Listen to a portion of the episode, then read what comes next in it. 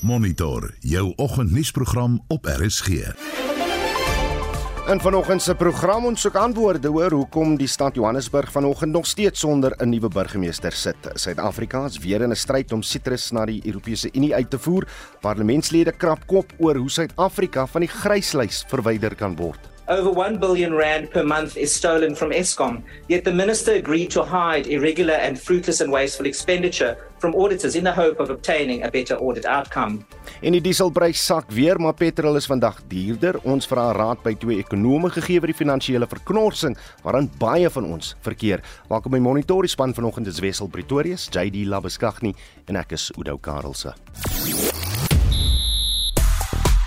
Carlos Alcaraz deur na die kwart eindstryde in die Madrid Tennis Meesterstoernooi terwyl Daniel Medvedev en Andrei Rublev struikel. SuperSport United bly derde in die DStv Premierliga en Arsenal is weer nommer 1 in Engeland en Delhi Capitals verras vriend en vyand in die IPL reeks. Ek is Shaun Schuster vir RSG Sport. Nou die Hits Arsenal en Chelsea is vanoggend baie gewild na die uitslag waarvan John Jooste nou net gepraat het. Hier in Suid-Afrika is die Hits Bloemfontein gewild na die kontrak tussen die sekuriteitsmaatskappy G4S en die Bloemfontein gevangenes gekanselleer is. En dit gons ook oor see oor Amnesty Internasionaal wat toegegee het dat hulle fotos wat deur kunsmatige intelligensie geskep is, gebruik het van Kolombiaanse polisie as 'n hegtenisneming van betogers wat die mense regteorganisasie in sy sosiale media veldtogte gebruik het. Nou Nou, die organisasie sê hulle het dit gedoen om die identiteit van betogers te beskerm, maar dit val op dieselfde tydstip dat een van die skeppers van kunsmatige intelligensie, Jeffrey Hinden, by Google bedank het en kort daarna gewaarsku het oor die gevare en misbruik van kunsmatige intelligensie. Is dit iets waaroor jy slapeloos lê en dink? En uh, die dieselprys het om middernag gedaal, maar petrol is vandag 37 sent per liter duurder. Dit te midde van beerkrag, hoë kospryse en rentekoerse en ander ekonomiese faktore wat jou uh, besteedbare inkomste laat krimp. Ons vra vanoggend in die program vir twee ekonome om Facefoos gebruikers soos ons 'n finansiële oorlewingsgids te gee.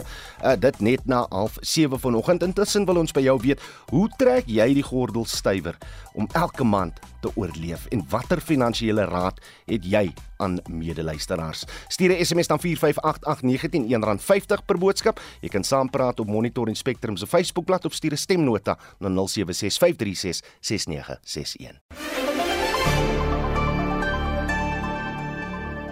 11 minute oor 6. President Ramaphosa het onlangs die Europese Unie gekap vir sy beperkings op Suid-Afrikaanse sitrusuitvoere wat poog om die invoer van uitheemse motte na die streek te verhoed. Die EU se staande komitee vir plante, diereprodukte, voedsel en voer of eh, skopaf het sedert Junie 2022 diegene wat lemoene na die EU uitvoer gedwing om 'n koue behandeling op sy produkte te doen. Dit om die verspreiding van vals koddelingmot, 'n veelvretende pes van talle belangrike Suid-Afrikaanse uitvoergewasse te probeer keer. In Suid-Afrika het verlede jaar reeds 'n klagte by die Wêreldhandelsorganisasie ingedien oor die EU se nuwe uh, invoer vereistes op sitrusprodukte. Vir meer hieroor gesels ons nou met Dion Joubert, die sitruskwekersvereniging se gesant vir marktoegang in Europa. Dion, goeiemôre. Goeie goeiemôre, baie dankie vir die geleentheid. Sê my, wat was die terugvoer op die klagte wat wat ingedien is? Kyk, daar's dit is ons het 'n aktiewe dispuut waar ons ehm um, as ek nou sê bitter dankbaar is dan minute ou nou vra om 'n dispuut en 'n dispuut te wees, maar die feit is ons het ehm um, na herhaaldelike pogings, jy sal onthou dat in 2014 het hierdie klein oefening begin met marktoegang speletjies van die EU se kant af. En uh jy die regering het na ons mening reeds 'n klomp druk op die EU gesit hmm. en ook die EU met ander woorde hof toe gevat soos jy reg opgemerk het.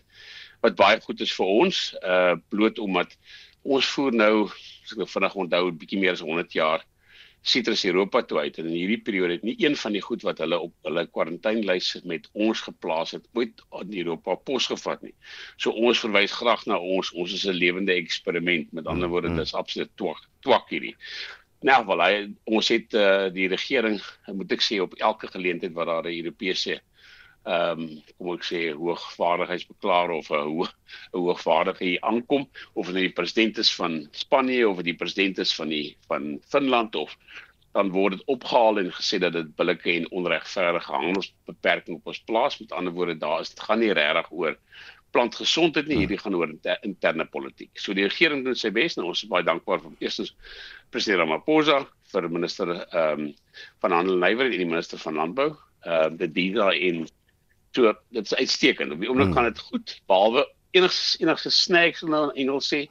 Ons is op die voorrand van ons van ons seisoen en die maatreëls het nog nie daar die onderhandelinge tussen die twee lande het nog niks of dit is te twee groepe ons nie het nog niks opgelewer nie. Ek, ek kom nou daar by die oes uit maar maar maar wanneer sal 'n besluit hieroor geneem word en en en wie neem dan daai besluit?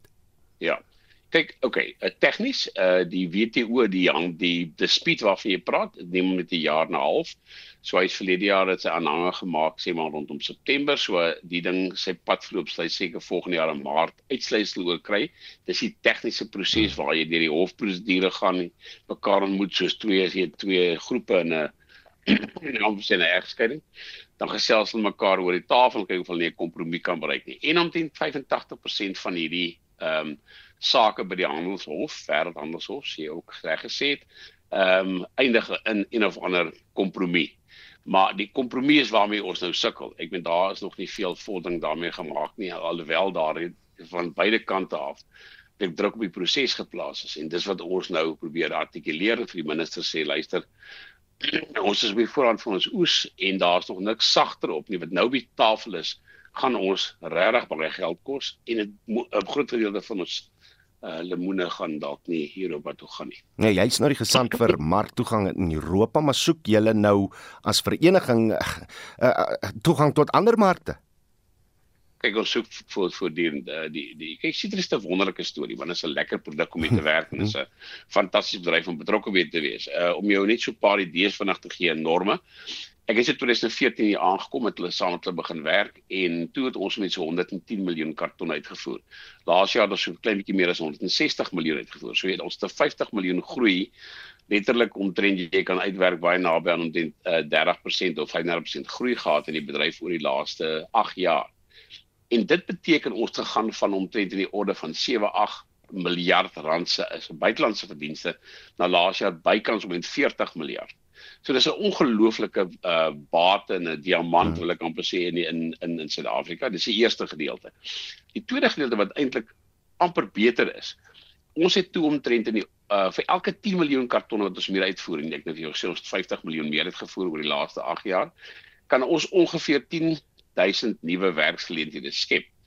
So vir die regering moet dit en vir Suid-Afrika moet dit fantasties wees. Ons het met ander woorde in 'n land wat regtig sukkel met werksgeleenthede, veral in die platteland het ons 50000 nuwe werksgeleenthede geskep. So op die huidige stadium sit ons hier by 140000 mense wat in die sitrusbedryf werk. En as jy nou die verhouding vat werk tot nie werk in die platland, dan sal seker net 1.4 1.5 miljoen mense in die platland wat van die sitrusbedryf afhanklik is. En in in net op hoe lyk hierdie jaar se oes? Man, dit is 'n ek dink is 'n is 'n is 'n billike oes. Ons nie 'n is nie 'n rekord oes nie, maar ons ons skatting so min 2 weke terug bymekaar gesit en ons het ons by 164 165 miljoen. Ek dink dit is 'n konservatiewe skatting. So daar's pragtige vrugte en ek meen ehm um, jy weet mos nou ons het gegroei vir een rede. Die suidvrouens in die wêreld dink Suid-Afrikaanse sitrus is tops. So uh ons sê graag vir hulle daarvan en ons baie dankbaar vir al die ondersteuning. So ek hoop is regtig 'n billike seisoen. Baie dankie vir jou tyd hier op Monitor. Dit was Dion Joubert, die Citruskwekers Vereniging se gesant vir marktoegang in Europa. Nou soos ons in die nuus gehoor het, gaan die Johannesburgse metro nog minstens tot die einde van die week sonder 'n burgemeester wees. Die metroraad het gister vergader om 'n vyfde burgemeester in minder as 5 jaar te verkies. Nou raadslede van verskillende partye het egter kort kort versoek dat die sitting verdaag. Die spreker Colin Makubele het toe die verkiesing van 'n nuwe burgemeester tot Vrydag uitgestel. Ons praat nou met 'n professor in praktyk aan die Universiteit van Johannesburg, Theo Venter daaroor. Theo, goeiemôre. Goeiemôre. Die Algemene Raadslid, uh, Tapelo Amat het 'n week gelede bedank en uh, die stad sonder burgemeester gelaat. Wat was die oponthou gister? Want ek hoor blykbaar sukkel partye wat in koalisie is, koalisie is om om ooreen te kom op kandidaate. Ja, ehm um, jy sal onthou dat omtrent 'n week gelede het ehm um, meneer Makura wat voorheen premier was in Gauteng uh by 'n perskonferensie gesê die ANC het nou uiteindelik 'n koalisiestrategie ontwikkel en hulle sal met um, enige party saamwerk joernaliste het hom by die onderhoud um, gepeper met vrae maar goed sluit dit die DA in? Hy kon nie antwoord hmm. nie. Sluit dit die EFF in? Hy kon nie 'n oordentlike antwoord gee nie. So hier sit ons nou um, in in ons grootste metro met 'n situasie waar die DA hoofsaaklik ag die ANC hoofsaaklik onderling um, met mekaar in stryd is oor presies wat is die beleid van die ANC. Een groep in die ANC glo dat uh, dit 'n uh, dom ding is om na kleiner partytjies toe te gaan hmm. omdat dit die wens is van die EFF om burgemeester te maak soos wat Johannesburg sopas gehad het en gesien het. 'n Ander groep in die ANC glo dat soos die DA se strategie werk dat die grootste party in 'n in 'n koalisie uh, vennootskap. Die gee die burgemeester en dan die kleiner partye kry ander belangrike portefeuilles by. Hmm. Hulle glo die ANC moet presies dit ook doen. En daarom is daar nou hierdie stryd in die ANC om te besluit gaan hulle die strategie volg wat deur meneer Lesofie voorgehou word en dit is kom ons paai die EFF in Gauteng en ons kies 'n um, lid van een van die kleiner partytjies. Nou kom net vir die luisteraars dat ek net die die getalle um vinnig vir julle noem om te wys hoe gekompliseerd dit is. Die hmm. party met die meeste stemme is natuurlik die ANC met 91 uit die uit die totale aantal um raadslede en die DA is die tweede grootste met 71.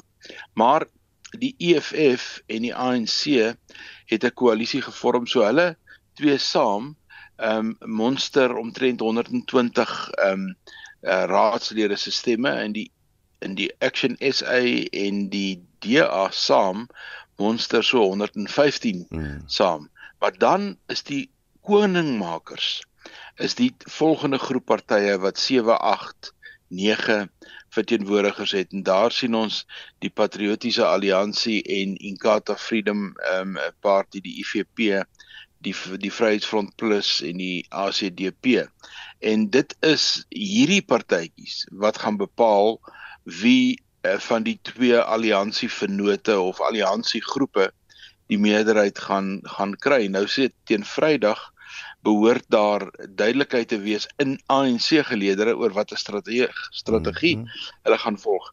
Nou vroeg in die week was daar 'n nuwe nuus uit Beaufort Wes uit mm. van alle plekke dat die leier van die PA onttrek nou daar en hy is nou nasionaal beskikbaar. Nou die was vir my 'n baie belangrike stukkie nuus. Gaan ons nie vir Gayton McKenzie een van die dae terugsien in Johannesburg nie. Mag dalk net hy wees wat die waar hierdie drif trek vir die ANC. Ja, ek het sy aankondiging uh met, met groot groot uh, interessantheid gesien. Ek ek wil tog vra, hierdie hierdie kolskoot ooreenkoms wat die DA gesluit het net na sy konferensie.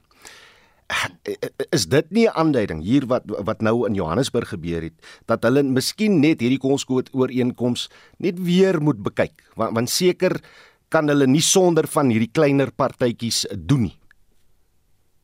Nee, nie in Johannesburg nie. As 'n hmm. mens baie baie fyn na die somme gaan kyk, dan dan ehm um, neem ek aan ehm um, vandag en môre gaan baie baie intense bilaterale gesprekke agter die skerms plaasvind met van die kleiner partytjies want ek het nou vir jou genoem mm. daar's die 91 en die 71 en die 44 die 7s en die 8s maar dan's daar ook 'n hele klomp 2s en 3s ehm um, mm. uh politieke partytjies wat net een of twee verteenwoordigers en jy moet jou somme baie fyn bereken en dit is hierdie klein politieke partytjies wat die die septer partykeer swaai want dit is hulle wat vir jou een of twee meerderheid gee maar dan is die onstabiliteit van hierdie soort van hang councils en ek soek nog 'n lekker Afrikaanse woord vir 'n hang council.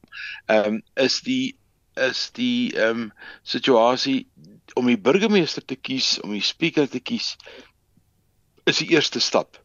Maar daarna kom die groot vrae oor die begroting en die goedkeuring van die begroting en die Skus. Liewe aarde. Die goedkeuring van alle allerlei beleid en dit um, word baie keer die sake waar rondom mosies van wantroue ingevoer word en dis meer. So dit is die die die groot uitdaging kom net nadat jy die leierskap gekies het. Hmm. Dis die Kaitin McKenzie se aankondiging wat jou laat hoes nie nie. Nee, wel ek ek, ek is nog steeds verbaas. Professor Theo Venter, dankie vir jou tyd om monitor. Hy's 'n politieke wetenskaplike aan die Universiteit van Johannesburg. Ons skuif dan aan na Sudan en die Verenigde Nasies waarsku dat die konflik in Sudan tot 800 000 mense kan dwing om uit die land te vlug. Vegte tussen die strydende militêre groepe gaan in veral Khartoum en Darfur voort ondanks 'n skietstaking. Die krisis het 'n menslike ramp tot gevolg en die risiko verhoog dat streeksmagte ingesleep kan word wat die konflik in Darfur kan aanvuur. Nou beide kante in die geweld het Sondag ingestem tot 'n 72 uur skietstaking. Ligaanval het egter in Khartoum en naburige stede voortgegaan. Sowat 73 000 mense het Sudan reeds verlaat Minstens 528 mense is weens die konflik dood en bykans 5000 is beseer. En die VN het soortgelyke syfers aangemeld, maar sê die sterftesyfer is waarskynlik veel hoër. Ons praat nou met Jaco Kleinhans van Solidariteit se afdeling van internasionale betrekkinge. Jaco, goeiemôre. Goeiemôre Oudo. Wat is die jongste eerstens uh uit Sudan met betrekking tot die drie groepe Suid of of die derde groep Suid-Afrikaners wat wag vir 'n skip om hulle uit Egipte na Suid-Afrika te vervoer? Ja, Oude, dit lyk daarom of hierdie Suid-Afrikaners wel op pad huis toe is wat ek dink ehm um, goeie nuus is. Jy weet daar was soveel buitelanders uh teenwoordig uh, in Sudan as jy maar kyk die operasies wat deur verskeie lande uh, uitgevoer is. En natuurlik die groot uitdaging was die skade aan die internasionale lughawe in Khartoum. En dit is een van die redes hoekom mense uh natuurlik per skip uh, via die Rooi See uh ont, ontruim is. Baie lande uh, wat dit gedoen het. En ons sien nou dat daar bitter min buitelanders nog ehm um, agtergebly het in in Sudan en natuurlik dat die meeste uh, internasionale organisasies se kantore gesluit is en dat ambassades omtrent almal ook hulle deure gesluit het. Ek het nou in die inleiding gepraat van van die moontlikheid dat streeksmagte ingesleep gaan word hier. Is dit waarskynlik?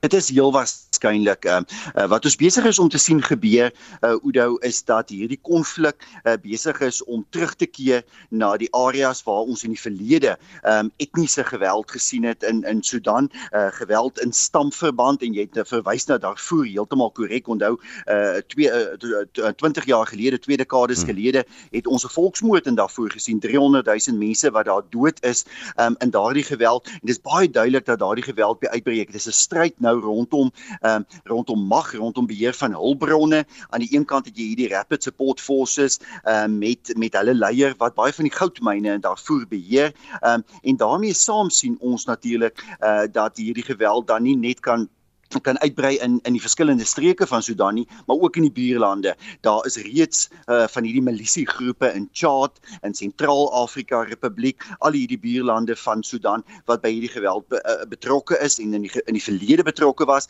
En wat ons hier sien uitspeel is die gevolge van wanneer jy natuurlike diktator verwyder. Ehm um, Omar al-Bashir wat verwyder is um in Sudan en die onvermoë van die land om daardie oorgang te kon maak na demokrasie en, en nou ja, sonder 'n diktator wat wat al hierdie groepe um eenvoudig um, met geweld soms in beheer gehou het, uh, sien ons nou hierdie etniese geweld weer na vore tree. Wie in die internasionale gemeenskap gaan hier ingryp want dit lyk die Afrika Unie is magteloos.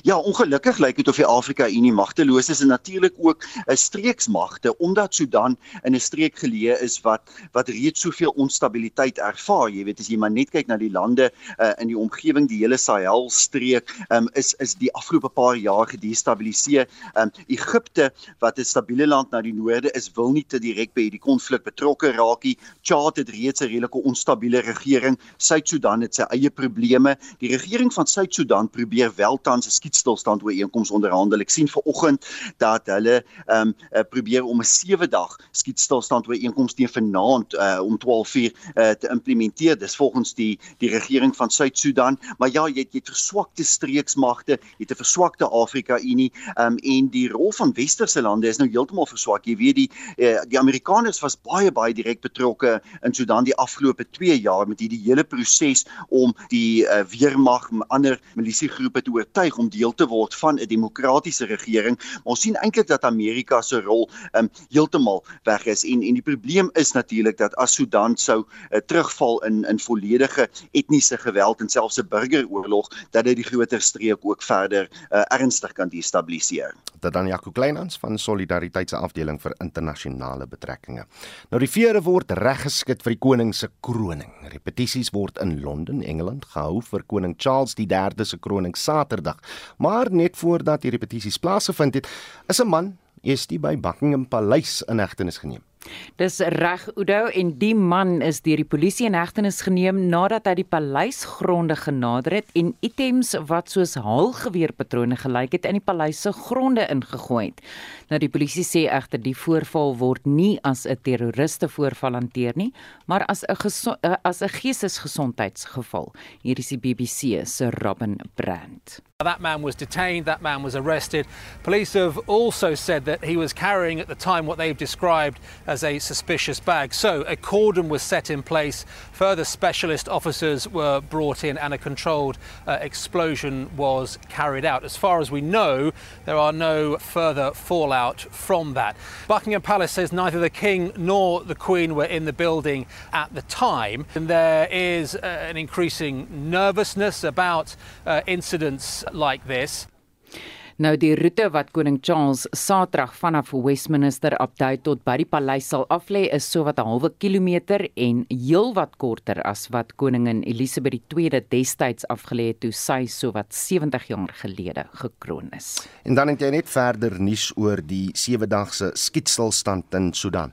Ja, die BBC berig dat die skietstilstand môre in werking sal tree en die Afrika Unie het gister 'n noodvergadering oor die konflik belê nadat verskeie skietstilstande sedert die begin van April gefaal het.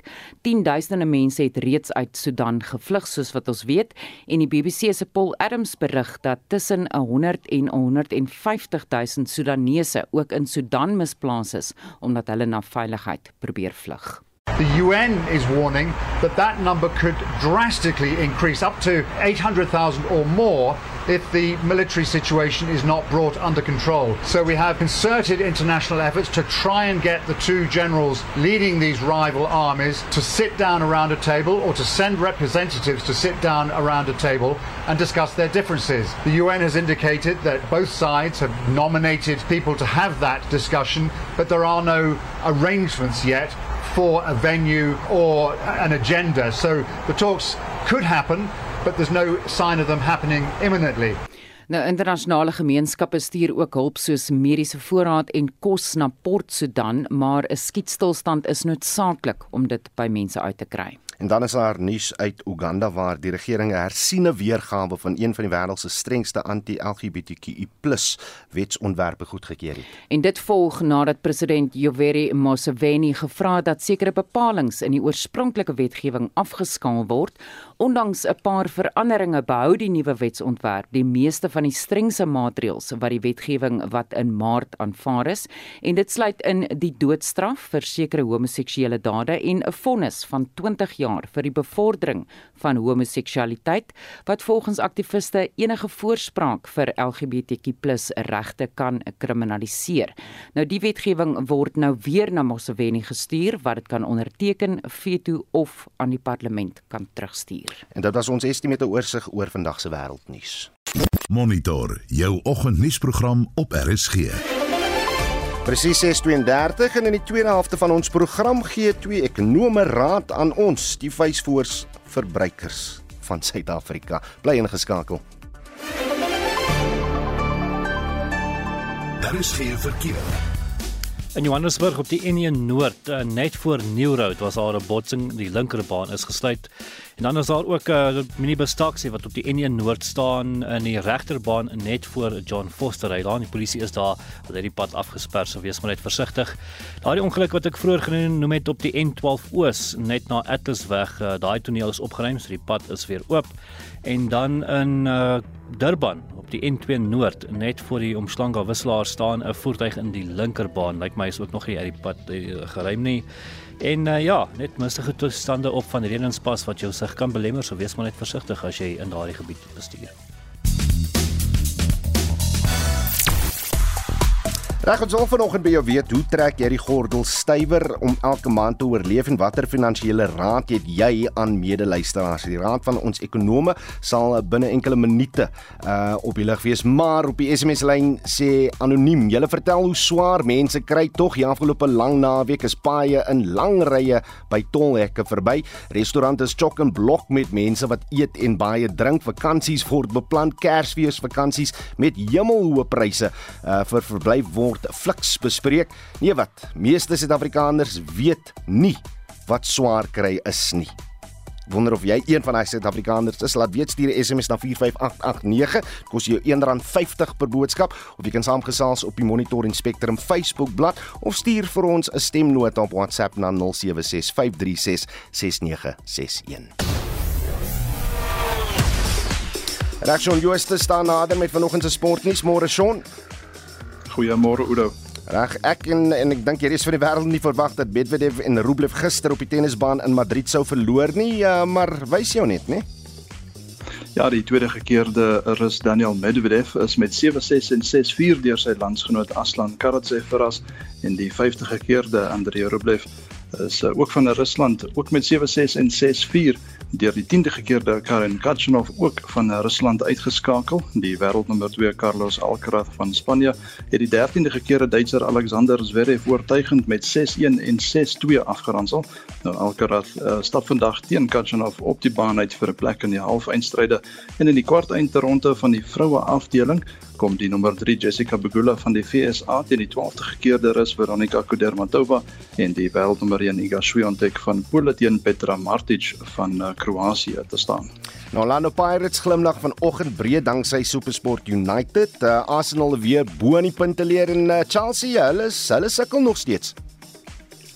Ja, nee, die eerste vir Premier League het SuperSport United en Stellenbosch FC gisterand 0 elk gelyk op gespeel. Nou soos jy sê Orlando Pirates, hulle het nou die voordeel om tweede in die liga te eindig.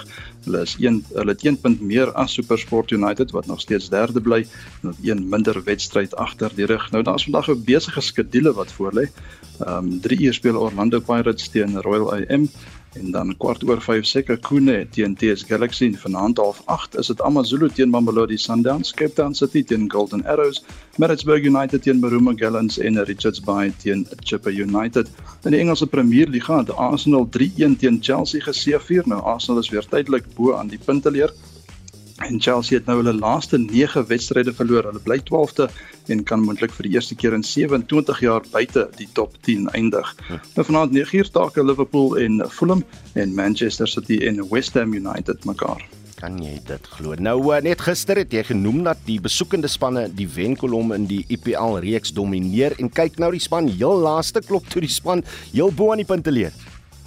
Ja, 27 van daardie 44 voltooide wedstryde is nou deur die besoekende spanne gewen. Die Delhi Capitals het die Gujarat Titans gister met 5 lopies uitoorlê, maar ten spyte hiervan is Delhi steeds heel laaste met 3 oorwinnings na 9 wedstryde en Gujarat steeds bo aan die punteleer op 12 punte. Nou vanmiddag 12:00 is daar nog 'n lekker groot kragmeting. Dit is Lucknow Super Giants teen uh, Chennai Super Kings en dan vanmiddag 4:00 pak Punjab Kings en Mumbai Indians mekaar. En dit was ons Shaun Jooste van RSG Sport.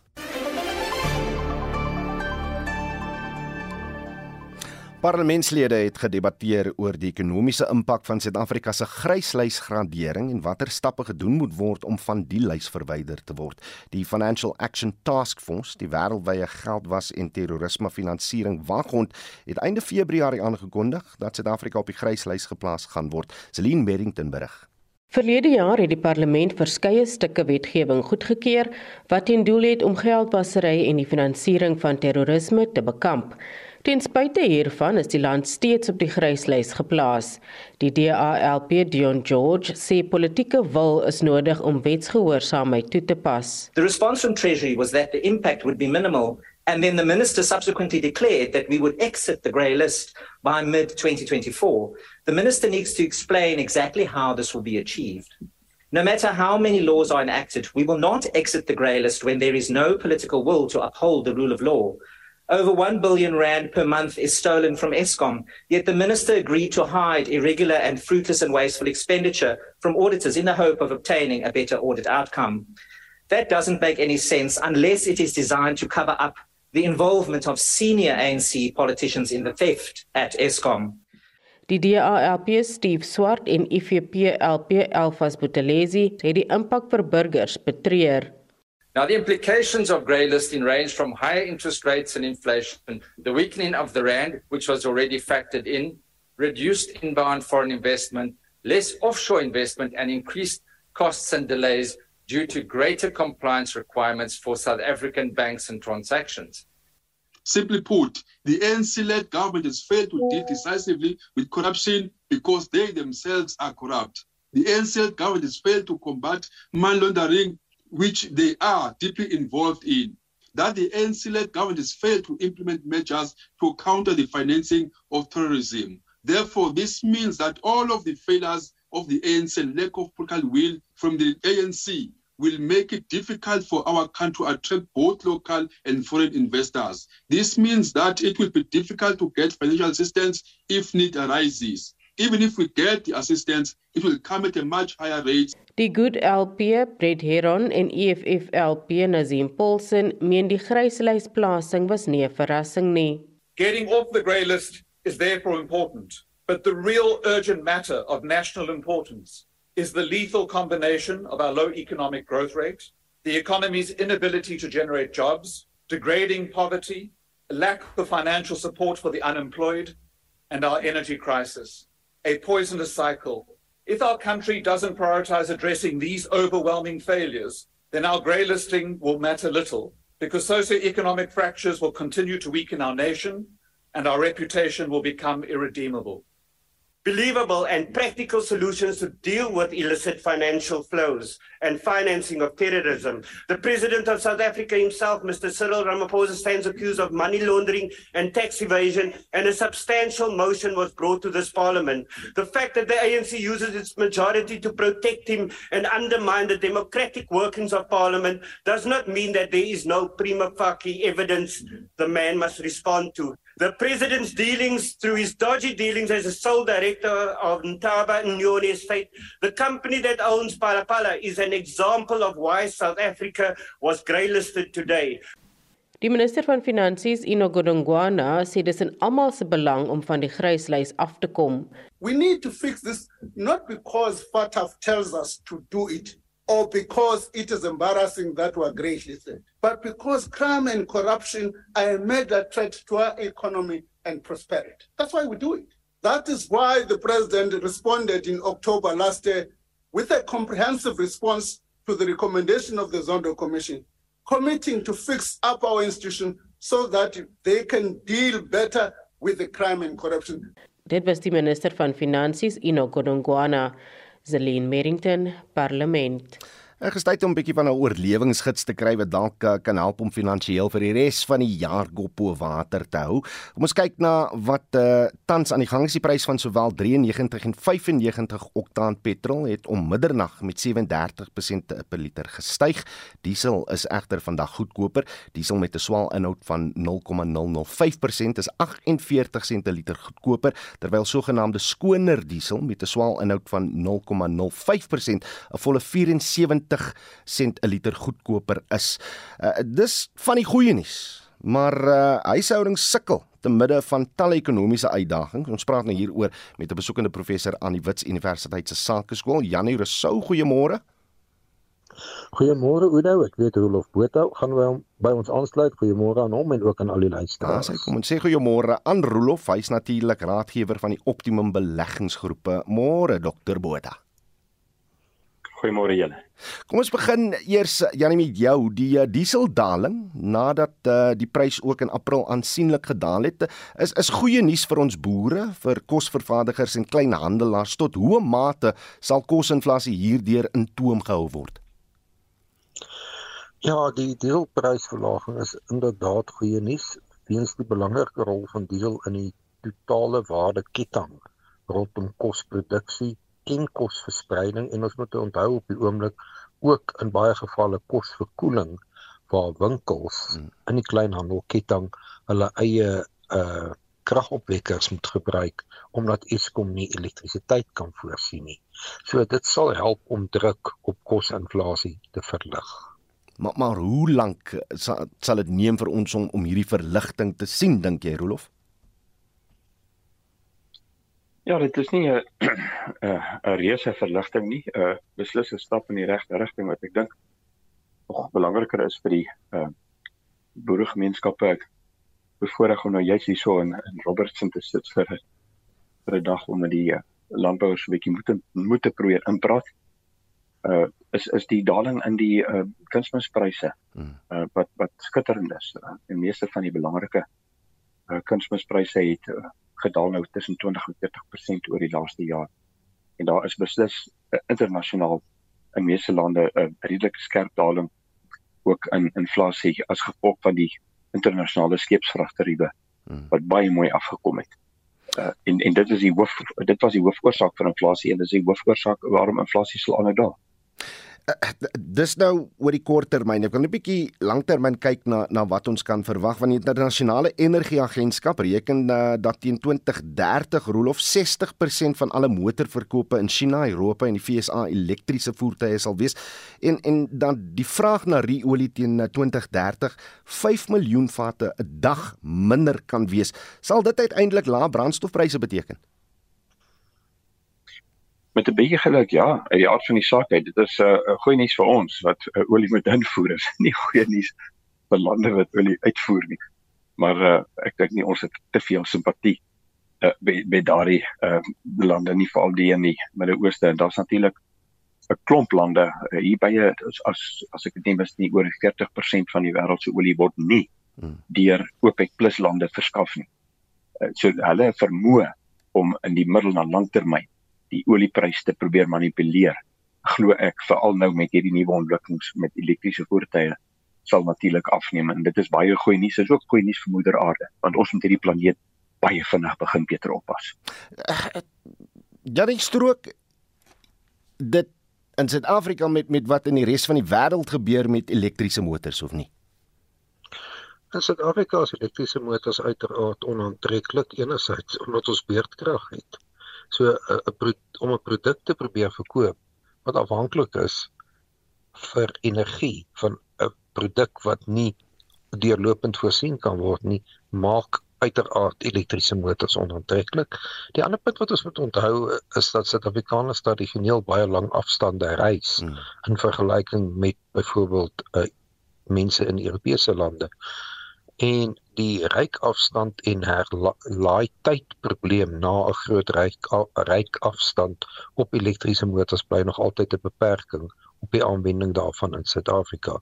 So Suid-Afrika sal nie dieselfde vinnige tendens volg as byvoorbeeld Europa nie, uh veral nie as Eskom nie elektrisiteit kan lewer nie. Met ander woorde, ons regering het 'n groot verantwoordelikheid om om werklik 'n verandering te bring uh, by Eskom en en hulle tot 2030 uh, om dit reg te kry sodat ons baat kan vind uit hierdie neiging. Ons regering het op alle vlakke 'n groot verantwoordelikheid onthou.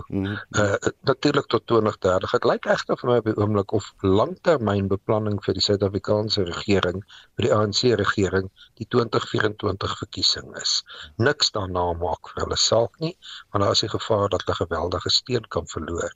Maar terselfdertyd is die ANC regering op elke moontlike vlak in chaos. En ons kan by meneer Ramaphosa se kantoor begin. Meneer Ramaphosa se kantoor, die presidentsie het in totale chaos verval. Ons weet glad nie wat daar aangaan nie. Ons weet nie of ons enigiets kan glo wat meneer Ramaphosa sê nie. Hy maak byvoorbeeld aankondiging oor internasionale strafhof wat dieselfde aand daar terugkrabbeling en ontkenning is. So die minste wat Suid-Afrikaners verwag as ons langtermynbeplanning moet doen, is dan dan nie chaos in meneer Ramaphosa se eie kantoor moet wees nie. Hmm. Rolof, die Reserwebank gaan waarskynlik rentekoerse volgende maand verder opstoot. Ek weet wat jou standpunt is hieroor. Ek dink die gereelde luisteraars van Monitor weet wat jou standpunt is, maar net kortliks, hoekom voel jy die Reserwebank se benadering ten opsigte van rentekoerse of die repo koers is verkeerd? Dit is regtig eenvoudig want hulle eh, die monetêre beleidskomitee verstaan baie blykbaar glad nie waar die oorsprong van inflasie vandaan kom vandaan kom nie. Die enigste manier waarop hoë rentekoerse inflasie kan opslaan is indien daar vraaginflasie is. Met ander woorde, as mense in die winkels instorm en goeder koop wat nou nog nie gelewer kan word nie en dan jaag dit pryse op. Die hoofrede waarom internasionaal pryse gestyg het die laaste 2 jaar was weens die skeepsvragtariewe wat met 700% gestyg het gemiddeld tussen einde 2019 en 2021. Hmm. En daar's absoluut niks wat rentekoerse daaraan kan doen nie. En selfs die bekroonde uh, Nobel uh, ekonomie pryswenner Joseph Stiglitz het vir die Amerikaanse Federale Reserve Raad onlangs sterk aangevat oor hulle beleid wat indirek verantwoordelik was vir die ehm um, vir die ineenstorting van Silicon Valley Bank en nou ook First Republic Bank in Amerika. Uh die al wat die Reservebank hoef te gedoen het en ek onthou dit baie goed.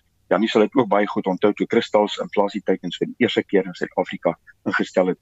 Dit baie duidelik gestel het hierdie is nie uh in in uh sement gegiet nie. Hierdie teiken vlak van 3 tot 6% kan aangepas word of laer of hoër. Mm. En al wat hulle behoefte gedoen het was om net daardie inflasie teikens tydelik en baie duidelik te stel. Hierdie is net 'n tydelike maatreël tydelik te verhoog na of 4 tot 7%. Ek persoonlik sou dit 5 tot 8% toegevat het en dan was dit glad nie nodig om rentekoerse te verhoog nie. Nou gaan oor 'n tydperk van 'n jaar gaan Suid-Afrikaanse uh uh huishoudings wat skuld het vir al nou die verbandlenings gaan hulle hier in die orde van 140 miljard rand meer betaal aan rente en geld wat in die winkel spandeer kon geword het wat ons ekonomie miskien 'n hupstoot kon gegee het. Dit is uh, werklik dit is dit is my die grootste bron van frustrasie in my lewe op die oomblik. Ja Janie vir ons uh, die uh, blou bulle. vir ons ons luisteraars bietjie raad gee. Stem jy saam met Janie oor hierdie twee aspekte? Ek stem nie met Rolof saam nie. Ek persoonlik dink ons het 'n baie laer inflasie teiken in Suid-Afrika nodig. Ek persoonlik is ten gunste van 'n inflasieteiken van 2 tot 4%. So ek stem saam met Rolof die teiken moet verander. Ek dink hy moet laer wees. Suid-Afrika moet laer inflasie hê. Om bloot 'n teiken aan te pas om inflasie te akkommodeer is geen beleid nie.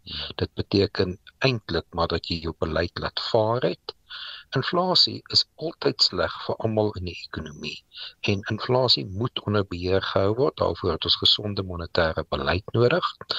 En uh Rolof maak die punt natuurlik dat daar nou verbruikers is wat meer rente betaal as rentekoerse opgaan, maar natuurlik aan die ander kant daarvan is daar mense wat geld spaar, mense wat deposito's by banke het wat se depositokoerse styg wat meer rente verdien op hulle spaargeld wat ook in 'n posisie is om daardie geld in die ekonomie te spandeer. So daar vind weliswaar dan 'n verskywing in spandering plaas van diegene wat hoër rentekoerse op skuld moet betaal in die rigting van diegene wat geld op deposito het en hoë rentekoerse op daardie deposito's verdien. Met ander woorde, dit is nie dat die besteding uit die ekonomie verdwyn soos Rolof argumenteer nie. Mm, mm. Dis dat die besteding verskuif van diegene wat op skuld lewe tot diegene wat hulle sake so bestuur het dat hulle nie op skuld lewe nie, maar spaargeld het. Ek wonder tog hoe Rolof lyk die vlakke van van Suid-Afrikaners wat wel kan bekostig om te bespaar? Want ekonomie preek altyd dat ons korttermyn skuld moet afbetaal onversekerde skuld uh, onversekerde skuld moet afbetaal.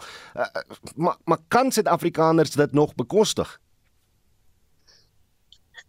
Ja, ehm um, weet jy Janie is bekend of dat hy uh, oor sy monetaristiese sienwyse in hierdie debat uh is besig om te woed in elke land in die wêreld, veral ontlikeende marke en uit die aard die saak uit uh het hy baie geldige punt daarso maar wat my bekommer wat my baie bekommer is die feit dat die koste van kapitaal hierdie land het dringend infrastruktuurbesteding en kapitaalvorming nodig ook in die private sektor. Daaroor hoef ons nie te debatteer nie. En die koste om dit te doen die koste van kapitaal in Suid-Afrika het met 60% gestyg.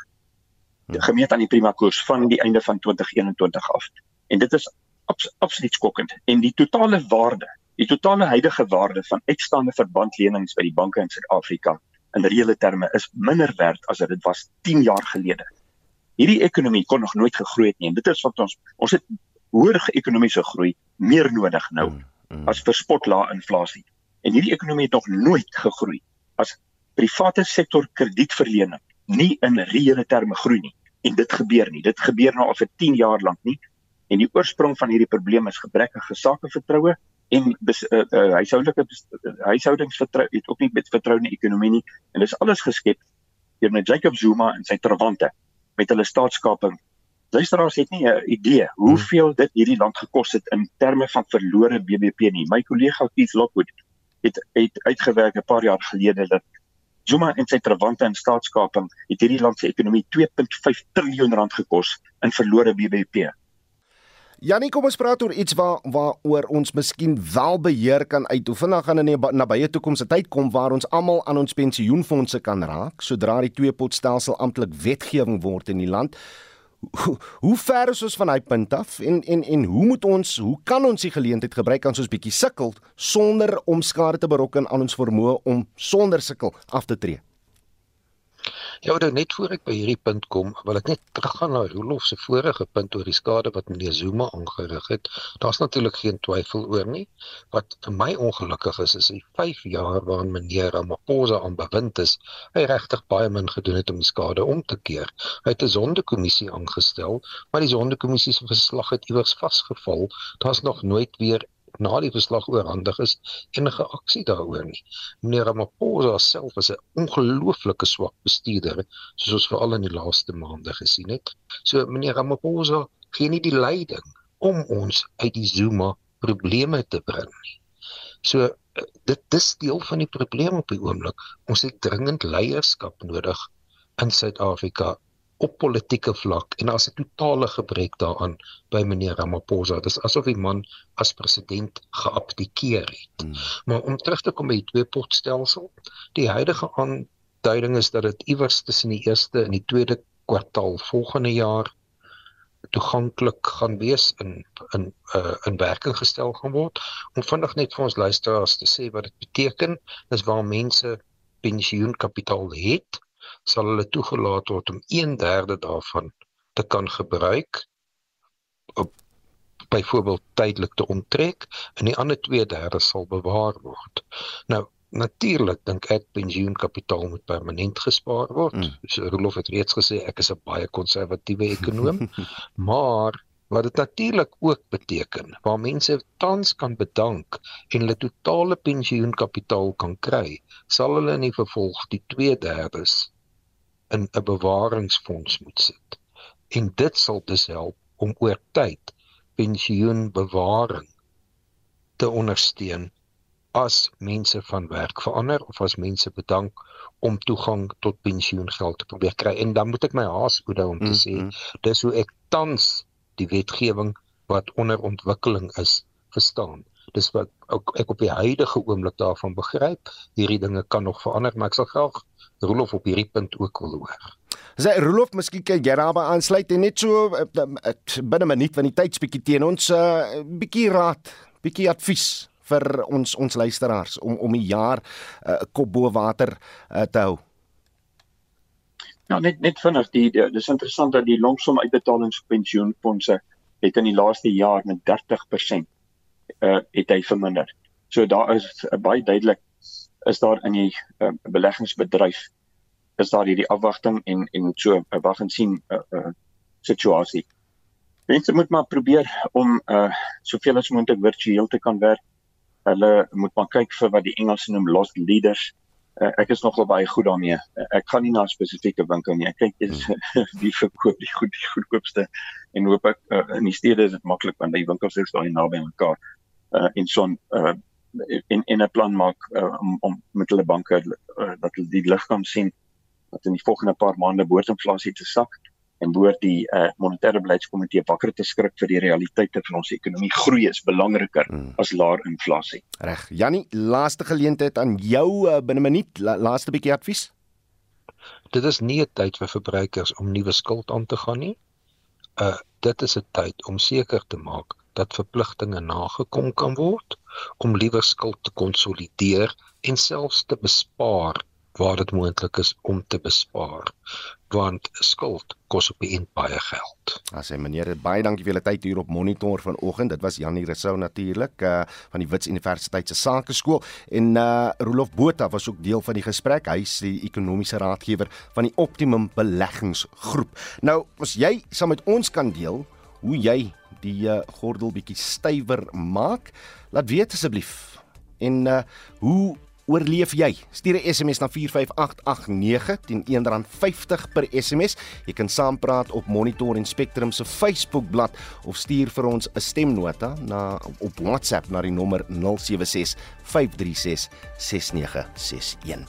Onthou vorige uitsendings van Monitor, Spectrum, Brandpunt, Naweek Aktueel en Kommentaar is op RC se webblad as 'n potgooi beskikbaar. Gaan net na www.rc.co.za. Ons groet dan namens ons uitvoerende regisseur Nicoline de Wee, ons redakteur vanoggend was Wessel Pretorius, ons produksieregisseur was JD Labuskaghni en ek is Udo Karel. Se geniet die dag in die geselskap van RSG op en wakker is volgende. Totsiens.